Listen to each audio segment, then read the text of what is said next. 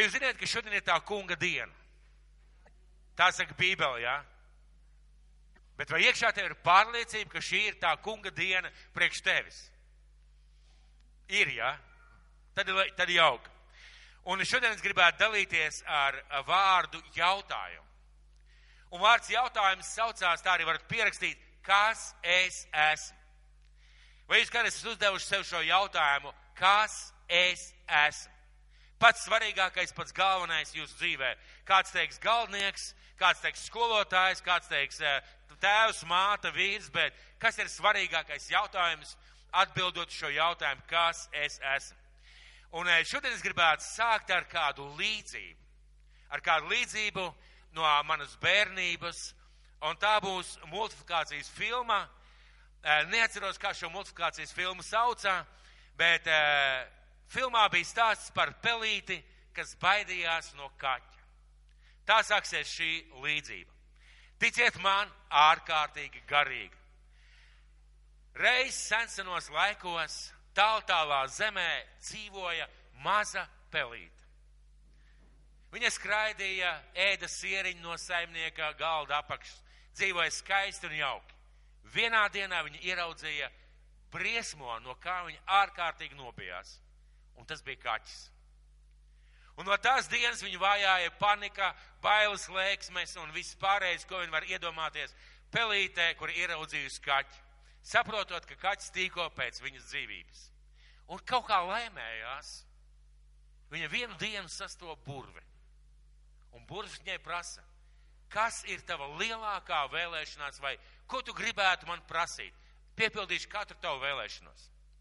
Un šī pelīte saka, lai es būtu par lauvu. Tad gan es no kaķa nebaidītos. Tā arī notiek, pelīt kļūst par lauvu. Tātad iesākumā stāsts sākās ar pelīti. Maza, skaista, jauka pelīte. Sensenos laikos, tāl, tālā zemē. Šobrīd, cik es saprotu, viņa noslēpsies starp āboliem. Tātad šī pelīte ieraudzīja kaķi, nobijās un saprata, ka grib būt lauva. Lai nebaidītos no kaķa, ir jābūt lauvai. Un tā arī notiek, viņa kļūst par lauvu. Ķēniņš, varans, liels, spēcīgs. Un uh, viņa staigā pa, nu jau ne pa saimniekā, nezinu, ap galda pakšu, bet viņa staigā pa pasauli un viņa ir lauva. Un kādu dienu, pilnīgi netīšām izējot no, nezinu, no baubaba kreisās puses, viņa atkal sastop kaķi. Kaķis panikā metās bēgt un lauva arī. Kaķis panikā metās bēgt un lauva arī. Un šis lauva pēc tik milzīga šoka un baiļu pārdzīvojuma atkal meklē rokā to, to buru un saka, pārvērt mani atkal par pelīti. Jo Jo tad es varu vismaz noslēpties. Ja esmu tik liels, es nevaru noslēpties no kaķa. Ārkārtīgi garīga līdzība. Kas šī pelīte kļuva ārēji? Lauva, pareizi? Un patiesībā varētu teikt zvēru karalis. Bet kas viņa bija iekšēji? Un tas, ka viņa ārēji bija spēcīga, liela, ar krēpēm un iespaidīga, nepalīdzēja viņai dzīvot kā lauvai, jo iekšēji viņa bija pelīte. Maza, bailīga pelīte, kas baidījās no kaķa un no viss, kas viņai nāca pretī. Ārējais nelīdzēja, jo nebija izmainīts iekšējais. Nebija izmainīta sirds, nebija izmainīta pārliecība, kas viņa ir. Kāpēc tāda līdzība? Vai tā ir garīga, vai ar tādām lietām drīkst dalīties? Es ticu, ka drīkst. Un eh, kāpēc tāda līdzība? Redziet, mēs Dievu bērni bieži nākam uz baznīcu, eh, kalpojam Dievam, lasam Bībeli, eh, darām daudz dažādas ārējās lietas, ko kristieši dara, bet mēs bieži esam kā lauvas ārēji, bet ļoti bieži trūkst šī iekšējā. Šīs iekšējās pārliecības, kas es esmu Kristu. Mums bieži vien pietrūkst šīs pārliecības, vienkāršas, stabilas pārliecības, kas es esmu Kristu. Un jūs man piekritīsiet, ka ir viegli ticēt, kad viss ir kārtībā. Kad viss ir labi, skaisti, kāda mašīna nesabojājās, kad naudas ir pietiekoši, kad ar veselību viss ir kārtībā, kad ar attiecībām kārtībā. Vai ir viegli ticēt? Vai ir viegli ticēt? Nu, būsim visi godīgi. Ļoti viegli un labi ticēt. Pareizi. Un no mūsu vārdiem, no mūsu lūpām nāk bieži vien vārdi slava Dievam, paldies Dievam, viss ir kārtībā, viss ir forši. Bet kāpēc reizēm ir tik grūti ticēt, priecāties, paļauties, uzticēties, ka Dievs mūs mīl, kā mēs esam Dieva bērni, ka Dievs gādās par mums, kad dzīvē ienāk grūtības un pārbaudījumi. Padomāsim tā loģiski, kāpēc? Kāpēc, kad ienāk pārbaudījumu grūtības, mums ir tik grūti ticēt, tik grūti paļauties, tik grūti būt lauvām arī sevi iekšienē? Un kad bieži vien mūsu dzīvē tas šis neizteiktais jautājums, reizēm pat vārdos nenodefinētais, kāpēc tā notiek? Kāpēc ar mani tā notiek? Kāpēc manā dzīvē tā notiek? Ziniet, es neesmu dzirdējis jeb maz dzirdējis jautājums, kad kāds cilvēks nāk un jautā mācītāji, kāpēc ar mani tā notiek. Parasti cilvēks stāst par notikumiem, bet šis jautājums, kāpēc ar mani tā notiek, paliek aiz kadra. Un tad mēs bieži vien meklējam Dievu vārdā risinājumu, jeb tā kā atbildes, un mēs lasām Bībeli, un tad vēl kāds garīgs brālis vai māsa atnāk un pasaka un nocitē Dievu vārdu. Visas lietas ticīgajiem nāk par labu nu tas man galīgi nepalīdzēja. Visas lietas ticīgiem nāk par labu. Ar ausīm dzirdēju, iekšā kaut kā nekas nemainījās. Vai, piemēram, priecāties, ja jūs krītat dažādās kārdināšanās. Kā es varu priecāties, ja manā dzīvē notiek kaut kas tāds? Un tad vēl kāds atnāk un saka, Dievs pārmāca un pamāca katru savu bērnu. Un jautājumi krājās viens uz otru, viens uz otru. Un reizēm mēs tā it kā noticam, it kā paļaujamies, bet iekšā kaut kā pietrūkst. Šīs lauvas pārliecības. Kāpēc bieži vien mūsu apliecība, ticība paliek tikai vārdos, mēs sakām, bet iekšā grūti ticās.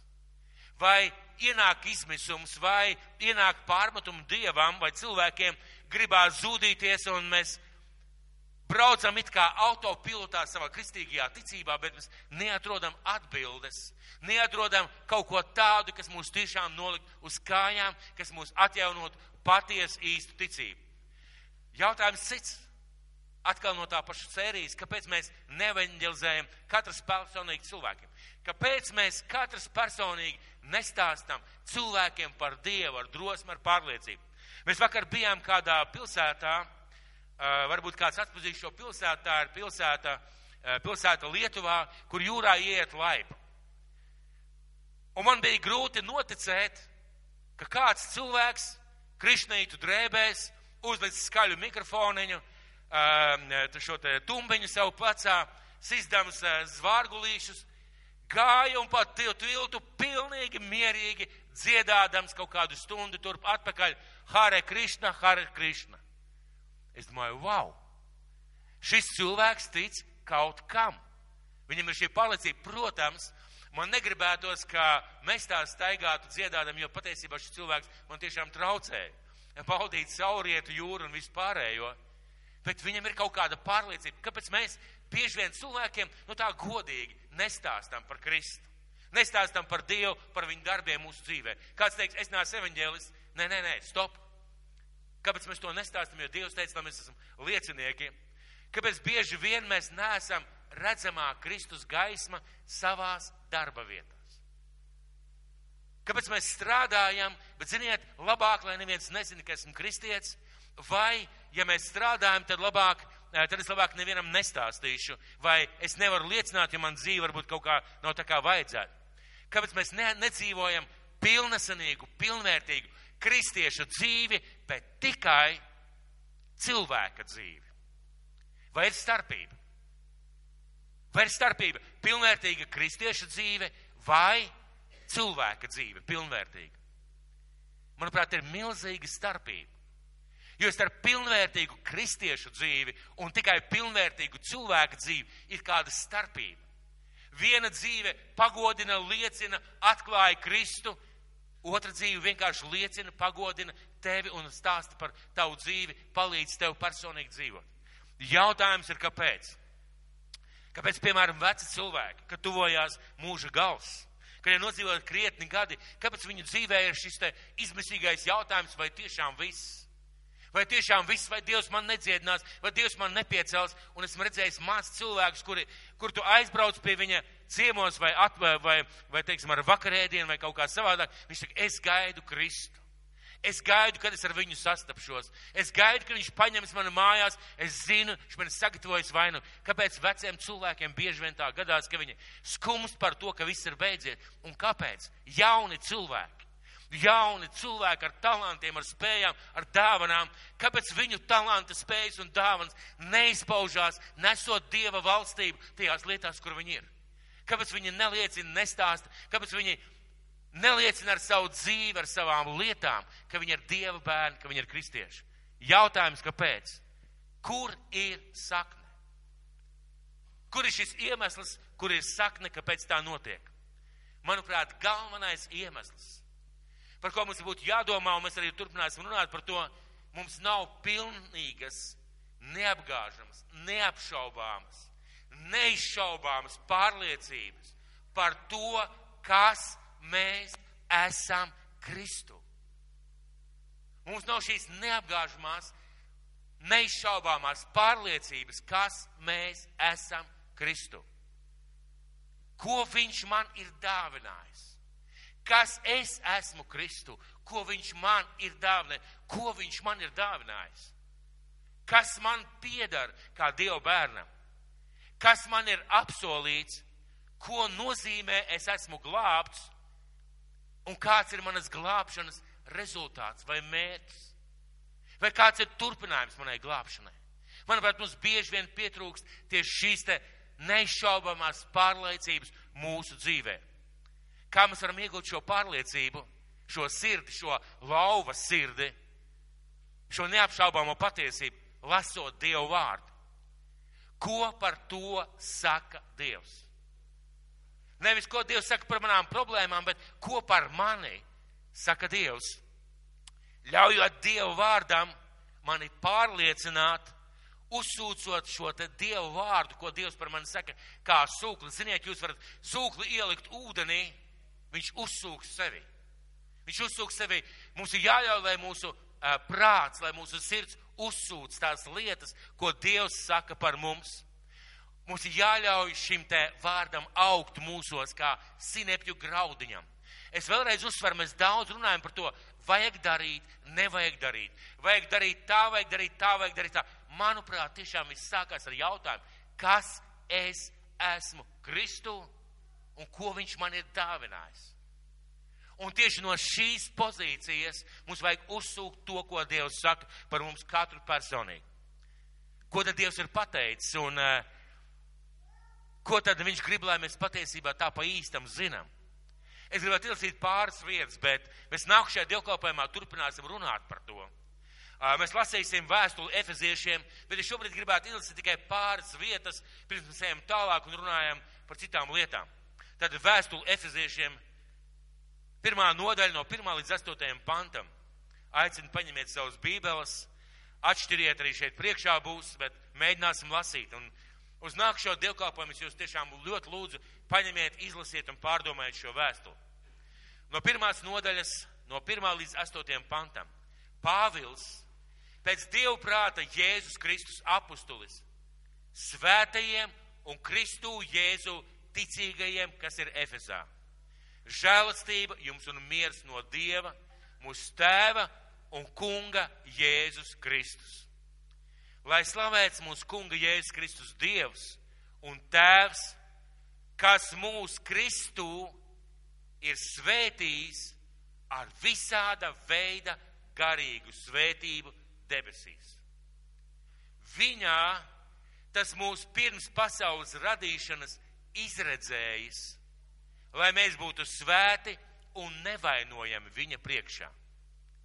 Pēc savas gribas labā nodoma viņš mīlestībā jau iepriekš nolēmis, ka mums būs būt viņa bērniem caur Jēzu Kristu.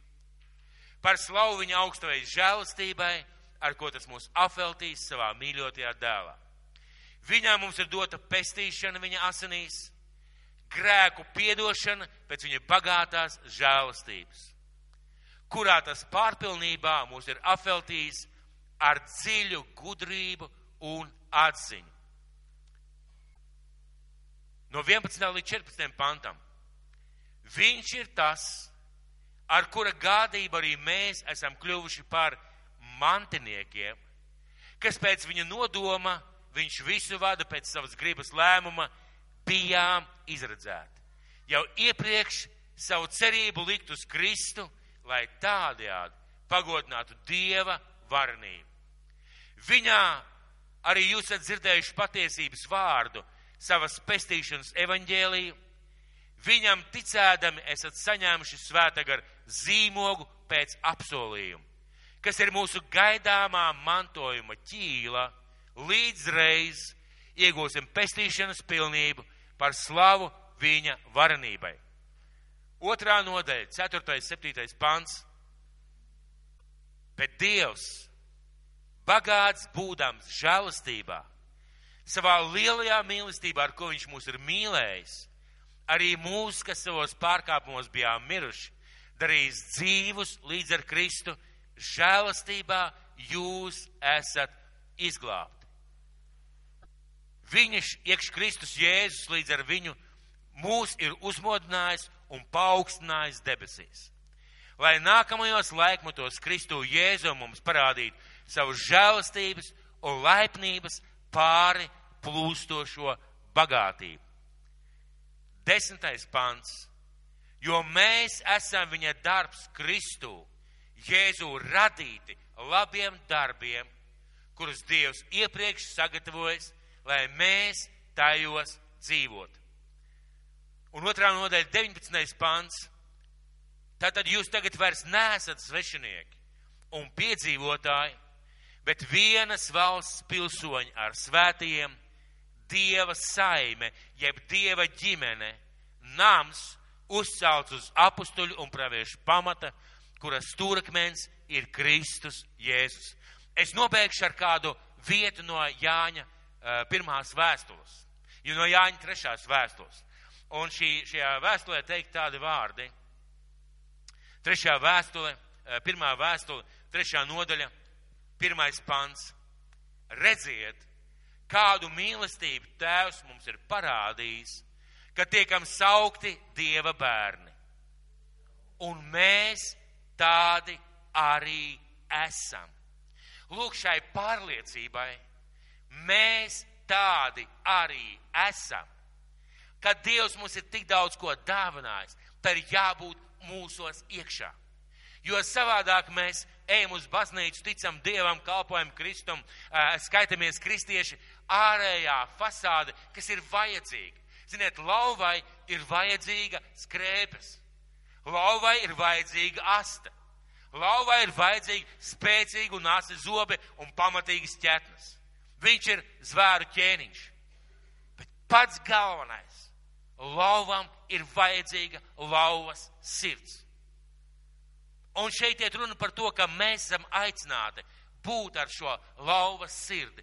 Es esmu Dieva bērns. Un kā viņa bērnam, Dievs man tik daudz ir dāvinājis, apsolījis savus svētības. Tam ir jābūt kādi stipri un neapgāžami, jeb negrozāmi apsolījumi. Sakiet, vai šis apsolījums mainās, vai šis vārds mainās no tā, ka manā dzīvē ir problēmas ar automašīnu? Vai ka manā dzīvē ienāk kāda slimība vai problēma? Vai šis vārds mainās? Vai kaut kas mainās? Nē. Tad jautājums, kāpēc mums reizēm tik skumstam, es negribu tiešām nevienu sāpināt vai apvainot, mums par to ir jādomā. Man pašam dzīvē bieži tā gadās, kāpēc ar mani tā notiek. Mīļie, bet ja mums iekšā ir šī pārliecība, es esmu Dieva bērns, tas nozīmē, ka Dievs zina Un viņš izdarīs to labāko, un tas nenotika nejauši. Tas nenotika vienkārši tāpēc, ka tu kaut ko nesaprati vai nemācēji. Nē, Dievs zina, un viņam ir kāds mērķis manā dzīvē. Un tad šie vārdi visas lietas ticīgām nāk par labu. Viņi maina savu nozīmi, jo tu sāc skatīties nevis uz problēmu, bet uz risinājumu. Tu sāc skatīties nevis uz to, kā tu jūties, bet ko Dievs ar to bija domājis.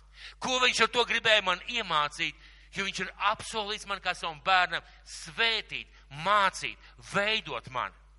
Neviens no mums negribētu redzēt savus bērnus neizaugušus vai nesagatavotus vai, vai nespēcīgus. Bet tam ir vajadzīgs treniņš. Tam ir vajadzīga kādas grūtības, kāda pārbaudījuma, un paldies Dievam par šīm lietām. Ko viņš ir pateicis par to, ko viņš ir pateicis? Ko Dievs ir pateicis, ko Jēzus pateica par to, ko viņš ir pateicis? Debes un zeme zudīs, mani vārdi nezudīs. Tas nozīmē, ka ja tu esi pieņēmis Kristu par savu kungu, ja tu esi atdevis viņam savu dzīvi, nožēlojis savus grēkus, un ja tu esi uzticējis viņam savu dzīvi, ja tu esi slēdzis ar viņu derību ūdens kristībās, ko to Bībele māca, viņa vārdi par tevi dzirdi nekad nemainīsies. Tu esi un paliec viņa bērns. Jā, varbūt reizēm nedzirdi viņa balss. Jā, varbūt kaut ko reizēm salai dēlī, varbūt reizēm kaut kas neizdodas, bet tu esi viņa bērns. Tu esi tas, kas tu esi. Tu esi viņa bērns. Dievs vēlās, lai mums būtu šī lauvas sirds. Kāpēc? Lai, kāpēc Dievs grib, lai mēs to zinām? Lai mēs tikai zinām, bet dzīvojam tā, lai mums ir jāzina, kas mēs esam un lai mēs dzīvotu atbilstoši tam, kas mēs esam. Lai mēs zinātu, kas mēs esam, un lai mēs dzīvotu atbilstoši tam, kas mēs esam. Un nākamajā dievkalpojumā es runāšu vairāk. Mēs runāsim par tām vietām un kādām citām, par kurām mēs šodien runājam. Tagad es gribētu parādīt kādu piemēru no Kristus dzīves. Mums cilvēkiem ir vajadzīgs piemērs, pozitīvs piemērs no Jēzus dzīves, eh, un mēs varam ieraudzīt viņa pārliecības spēku par to, kas viņš ir. Viņa pārliecības spēku un to, kā viņš pierāda to, kam viņš tic un kas viņš ir savā iekšienē. Un es aicināšu jūs atšķirt Mateja evaņģēliju. Mateja evaņģēlija 4. nodaļa no 1. līdz 11. pantam. Mateja evaņģēlijas 4. nodaļa no 1. līdz 11. pantam. Mēs īsumā sākumā mēs izlasīsim. Tad gars Jēzu aizveda tuksnesī, ka tas taptu vēlna kārdināts. Svarīgs moments. Jēzus tūlīt sāks kalpot. Tūlīt viņam kā lauvam būs jāuziet uz skatuves. Tūlīt viņam jāsāk darīt zīmes un brīnum un jāsāk parādīt visai pasaulē, ka viņš ir Dieva dēls. Es gribu atzīmēt nevis pierādīt, bet parādīt. Jo vēlāk es par to minēšu, ir liela starpība. Tūlīt, tūlīt viņš sāks kalpot. Un Dievs, acīm redzot, priekš mums pašiem, priekš Dieva bērniem, priekš Kristus paša, viņš grib, lai Jēzus nodefinē, kas tad viņš ir un kā tad viņš taisās dzīvot un kalpot. Un mēs zinām, viņš ir Dieva dēls. Un kad viņš 40 dienas un 40 naktis bija gavējis, viņš gatavojās kalpošanai, tad tam gribējās ēst. Un kārtinātājs piestājās pie viņa un sacīja, ja tu esi Dieva dēls, tad saka, lai šie akmeņi to par maizi. Ja tu esi Dieva dēls, tad saka, lai šie akmeņi to par maizi. Bet viņš atbildēja un sacīja, stāv rakstīts, cilvēks nedzīvo no maizes vien, bet no katra vārda, kas iziet no Dieva mutes.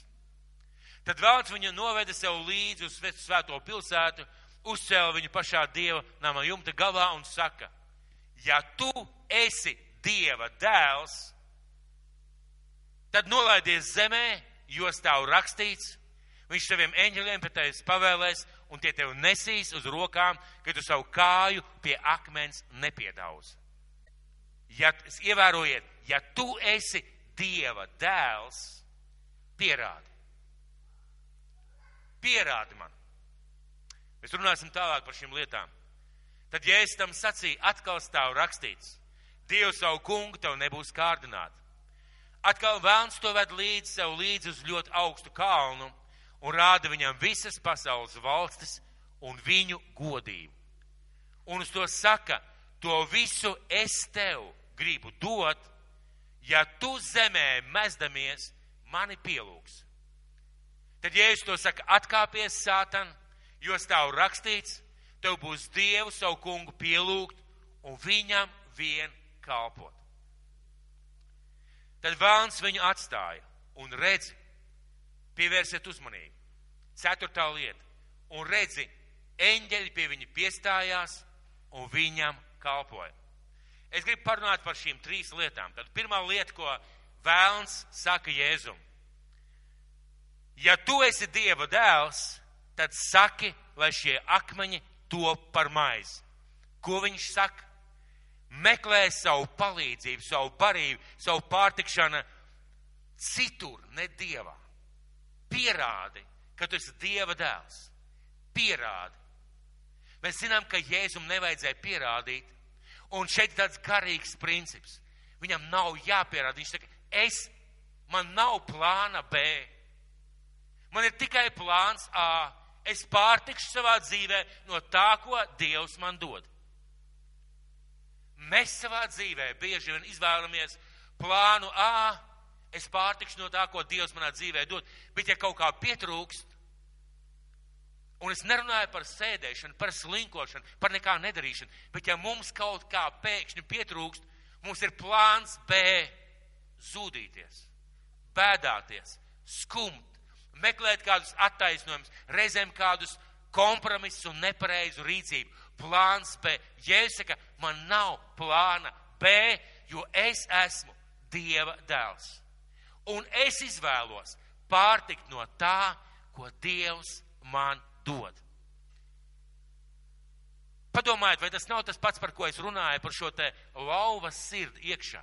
Vai mums nevajadzētu būt šeit pārliecībai pār visiem notikumiem mūsu dzīvē? Mēs dzīvojam no Dieva apgādības.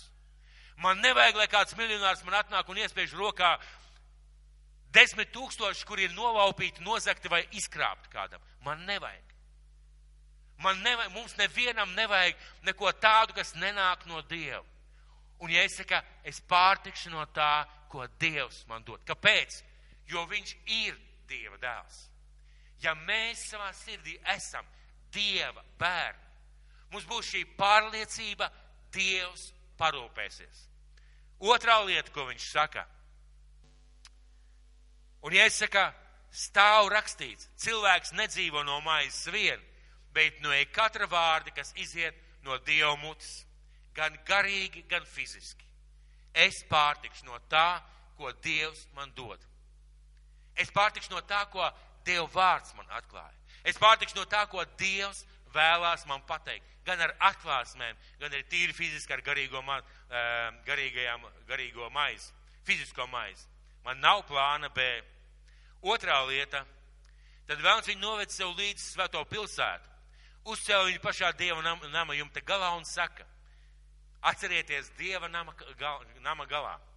Ja tu esi Dieva dēls, tad nolaidies zemē, jo stāv rakstīts, viņš saviem eņģļiem par tevi pavēlēs, un tie tev nesīs uz rokām, ka tu ar savu kāju pie akmens nepiedaudzīs. Pierādi, nedzīvo savā dzīvē no Dieva klātbūtnes, no pārliecības, ka tu esi Dieva bērns, bet pierādi sev un citiem. Un redziet, starp parādīšanu, ka tu esi Dieva bērns, vai pierādīšana ir liela starpība. Ja mēs sākam sev pierādīt vai citiem pierādīt, mūsos iekšā nav šīs pārliecības. Sakiet, šīs pilnīgās pārliecības. Sakiet, vai, vai kādam ir jāpierāda sev un citiem, ka viņam ir, pieņemsim, ja viņam ir dzīve vecāka, ka viņš ir bērns saviem vecākiem. Vai ir vajadzīgs kaut ko pierādīt? Nav vajadzīgs pareizi. Tas ir tik dabiski. Es iedomājos, ja mēs, piemēram, lidojam kaut kur no Anglijas, piemēram, lidojam uz Latviju, mums ir Latvijas valsts pilsoņu pasi. Mums nav ne mazāko šaubu pieiet pie, ja mēs nevedam, protams, kontrabandu vai, nezinu, narkotikas savā čemodānā, mums nav ne mazākās šaubas pieiet pie šī te pasu pārbaudītāja, un ja viņš teiktu, pierādi, ka tas Latvijas pilsonis, mēs teiktu, paklausieties, mīļais cilvēks. To pierāda viss manā dzīvē. Esmu dzīvojis Latvijā, mācījies Latvijā, skolojies. Man nevajag neko pierādīt. Jā, protams, būtu juridiski jāpierāda. Un šajā vietā vēlns saka tāpat, un mums bieži vien vēlns saka, pierādi, ka tu esi Dieva dēls. Pierādi, ja tavā dzīvē tā notiek, pierādi sev, pārliecini sevi, pierādi sev, pierādi cilvēkiem, ka tu esi Dieva bērns. Mums nav nekas jāpierāda. Un ja es saku, man nekas nav jāpierāda. Es skaidri zinu, ka Dievs teica, nekārdini, jeb neizaic, neizaicina man Dievu, un es esmu Dieva bērns. Daudz cilvēku visu mūžu cenšas pierādīt, un tas ir mūžīgās sacensības. Tu mūžīgi ar sevi esi sacensībās.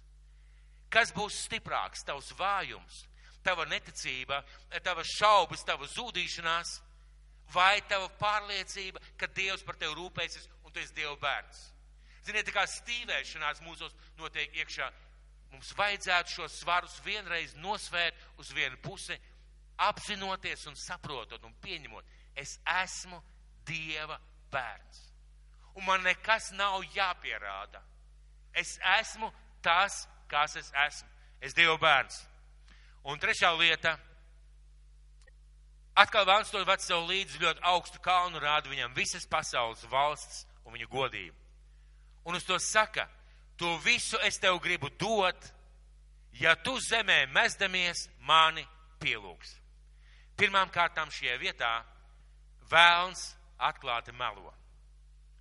Es to visu tev gribu dot. Pirmām kārtām tas viņam viss nepiedara. Jā, bet viņam ir kaut kādas spējas un iespējas kaut ko dot.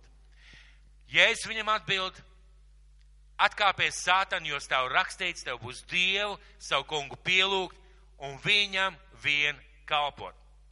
Un šajā vietā vēl saka, meklē atzinību, meklē slavu, meklē labklājību, visu, ko, kas dod spožumu un labu dzīvi, citur, bet ne Dievā.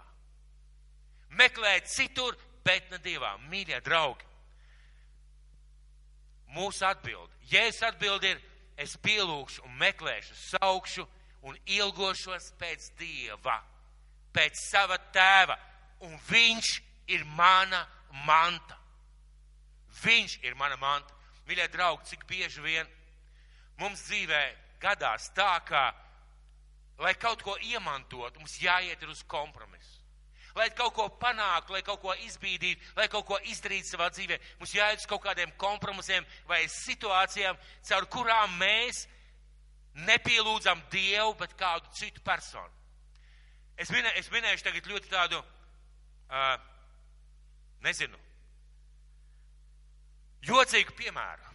Piemēram, jūs zināt, ka šodien pasaulē ir ārkārtīgi, ārkārtīgi uh, spēcīgi izplatīta tāda lieta kā pornogrāfija un šīs lietas. Un patiesībā tas ir liela nelaime arī kristietībā.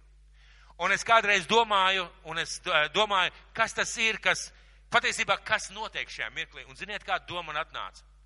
Vēlns pazemo, ņirgājās, smējās par Dieva radību cilvēkiem, un kristieši sēž un skatās. Un ar to viņi pielūdz patiesībā vēlnu. Reizēm notiek kādas nepareizas lietas mums apkārt, un mēs klusējam. Tas ir mūsu bailes, kas neļauj runāt vai vēl kādas lietas. Īstenībā ir problēma tā, ka mēs caur to meklējam labumu ne Dievā, bet kaut kur citur rezultātā. Mēs pielūdzam vēlnu savā dzīvē. Skarbi vārdi, bet mūsu dzīvē tā gadās. Un es skaidri pateikt, ka daudz lietas mūsu dzīvē ir kā kompromisi, un ja mēs tā paskatāmies malā, ar ko es, pielū, ko es pielūdzu caur šo lietu, jeb ko es pagodinu caur šo lietu, un mēs ieraudzīsim, piemēram, tāpat nodokļu maksāšana kristiešiem. Liela nelaime. Daudz dievu bērnu strādā vienkārši nelegālus darbus, eh, saņem eh, aplokšņu algas un vēl visas, visas lietas. Un es ticu, ka Dievam tas nav, vienkārši nav nepatīkami, nav patīkami vai nepatīkami, Bet Dievam nepatīk šīs lietas tā pa īstam un nopietni. Kāpēc? Jo tādā veidā mēs pielūdzam vēlmu. Tādā veidā mēs sakam, Dievs, es neticu, ka ja es būšu godīgs, godprātīgs un viss lietas kārtošs, es varēšu nodrošināt sevi. Un ja man ir jācieš kaut kāds trūkums vai zaudējums tādēļ, es neesmu ar mieru. Labāk es nemaksāšu nodokļus. Tā ir mūsu nelaime. Un Jēzus šajā vietā, viņš fa faktiski uzvar, viņš saka, viņš pierāda ar šīm savām atbildēm, es esmu Dieva bērns, es esmu tas, kas es esmu. Viņam ir šī lauvas sirds, un viņš neliecās kaķa priekšā, un viņš neliecās apkārtējo apstākļu priekšā, un mums ir vajadzīga šī pārliecība. Un tagad skatieties, Tas it kā ir tā dabiski, vai it kā liekas, liekas teksta turpinājums, it kā liekas tā vienkārši teksts turpinās 11. pants, tad vēlams viņu atstāja. Un redz, eņģeļi pie viņa piestājās un viņam kalpoja. Un tagad skatieties. Ceturtā lieta. Ja tev ir šī iekšējā pārliecība, ka tu esi Dieva bērns, ka viņā tev ir dots un dāvināts, ka tu esi izglābts un atpestīts, ka tu vari dzīvot viņa aicinājumu cienīgi. Ja tu izēj cauri šādiem apstākļiem, situācijām vai pārbaudījumiem un izēj kā uzvarētājs, Dievs atnāk un tev kalpo. Dievs atnāk un tev kalpo.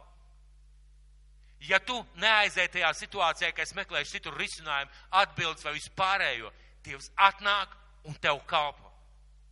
Un esmu pilnīgi pārliecināts, tā ir man iekšējā pārliecība, ka speciāli šis pants tādā veidā ir domāts vai izsvērts, ka Dievs atnāca un Jēzum kalpoja. Mīļie draugi, ja tā pelīte tajā mirklī būtu varējis sev pateikt, bet es taču esmu lauva. Un viņai bija vajadzīgs Dieva vārda spogulis, kurā paskatīties, kas es esmu. Mums ir vajadzīgs Dieva vārds spogulis. Paskatīties, kas mēs esam. Mēs esam Dieva bērni. Mums tik daudz dots, tik daudz piedāvāts, tik daudz iedots mūsu dzīvē, ka mēs nespējam pat to novērtēt līdz galam un droši vien, kad arī nespēsim. Mēs esam Dieva bērni.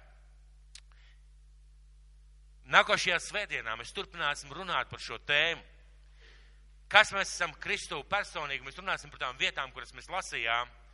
Un es gribu jūs lūgt uz nākušo reizi izlasīt vēstuli efeziešiem un pārdomāt. Izlasīt vēstuli efeziešiem un pārdomāt. Un es tiešām gribētu jūs aicināt. Paņemsim šo nedēļu. Varbūt atliksim savus lasīšanas kalendārus, pārlasiet vēstuli efeziešiem un pārdomājiet. Un padomājiet par tām vietām, ko mēs jau lasījām. Un vēl jūs atradīsiet, ko Dievs saka kas mēs esam. Un jautājums, kāpēc? Kāpēc Pāvils tik ļoti šiem cilvēkiem to uzsvēra? Jo viņiem tāpat kā mums bija vajadzīga šī pārliecība, šī iekšējā pārliecība. Es gribētu nobeigt ar Jāņa, trešo, eh, pirmā Jāņa vēstule, trešo nodaļu. Tātad Jāņa pirmā vēstule, Piektā nodaļa, atvainojos, Jāņa pirmā vēstule, piektā nodaļa, pirmais un pēc tam trešais pants. Ik viens, kas tic, ka Jēzus ir Kristus, ir no Dieva dzimis, un ik viens, kas mīl to, kas viņu ir dzemdinājis, mīl arī to, kas no tā ir dzimis. No tā mēs noprotam, ka mēs Dievu bērnus mīlam, kad mīlam Dievu un turam viņa bauštus. Jo šī ir Dieva mīlestība, kā turam viņa baušus, un viņa baušļi nav grūti. Jo viss, kas ir dzimis no Dieva, uzvar pasauli. Un šī ir tā uzvara, kas uzvarējusi pasauli, mūsu ticība. Kas ir pasaules uzvarētājs? Uzlieciet, lūdzu, lauvu. Kas ir pasaules uzvarētājs?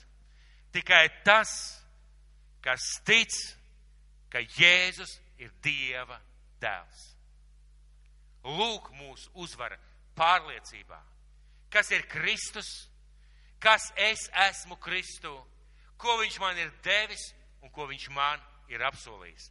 Un ja šeit ir kāds cilvēks, kurš vēl nav ar savām lūpām Jēzu apliecinājis par savu kungu, varbūt viņš ir daudzkārt gājis uz baznīcu, daudzkārt apmeklējis dievkalpojumus, bet nekad viņa dzīvē nav bijis mirklis, kad viņš apzināti, nostājoties Dievu priekšā, saka vārdus, Jēzu, es lūdzu piedod manus grēkus, nomazgā mani, ienāc manā dzīvē un kļūst par manu kungu un manu glābēju. Es atdodu tev savu dzīvi un es pieņemu tevi par savu pestītāju. Ja šeit ir kāds cilvēks, kurš nekad nav teicis tādus vārdus, tad šie vārdi, ko mēs šodien lasījām, par ko mēs runājam, tas ir priekš jums nākotnē. Ejiet uz to. Ejiet uz to, kāpēc? Mums bija kāds festivāls, liels festivāls šeit Latvijā, evanģelizācijas pasākums. Un uh, cilvēki tika aicināti pieņemt Kristu un gāja priekšā pie skatos, un diezgan daudz, ja nemaldos, kādi septiņi vai deviņi simti izgāja. Un pēc tam padomu devēja ar viņiem runāja un uzdeva jautājumu, ko jūs tikko izdarījāt, un vai jūs ticat, ka jūs nonāksiet debesīs.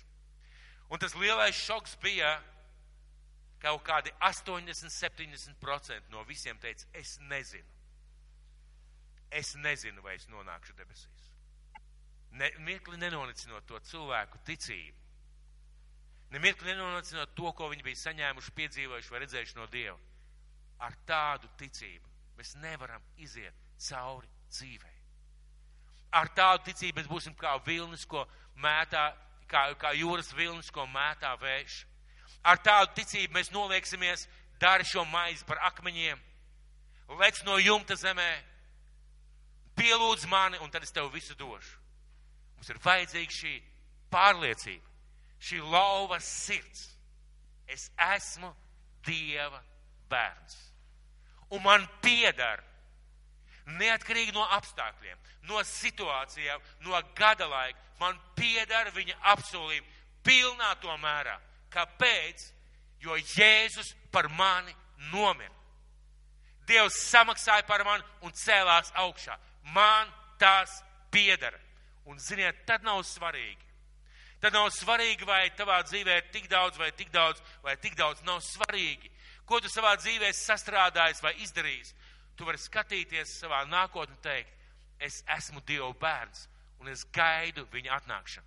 Tā pašā laikā mēs varam izdzīvot savu dzīvi pilnvērtīgi kā kristieši, nevis tikai pilnvērtīgi kā cilvēki. Lai debes tēvs mūs svētī.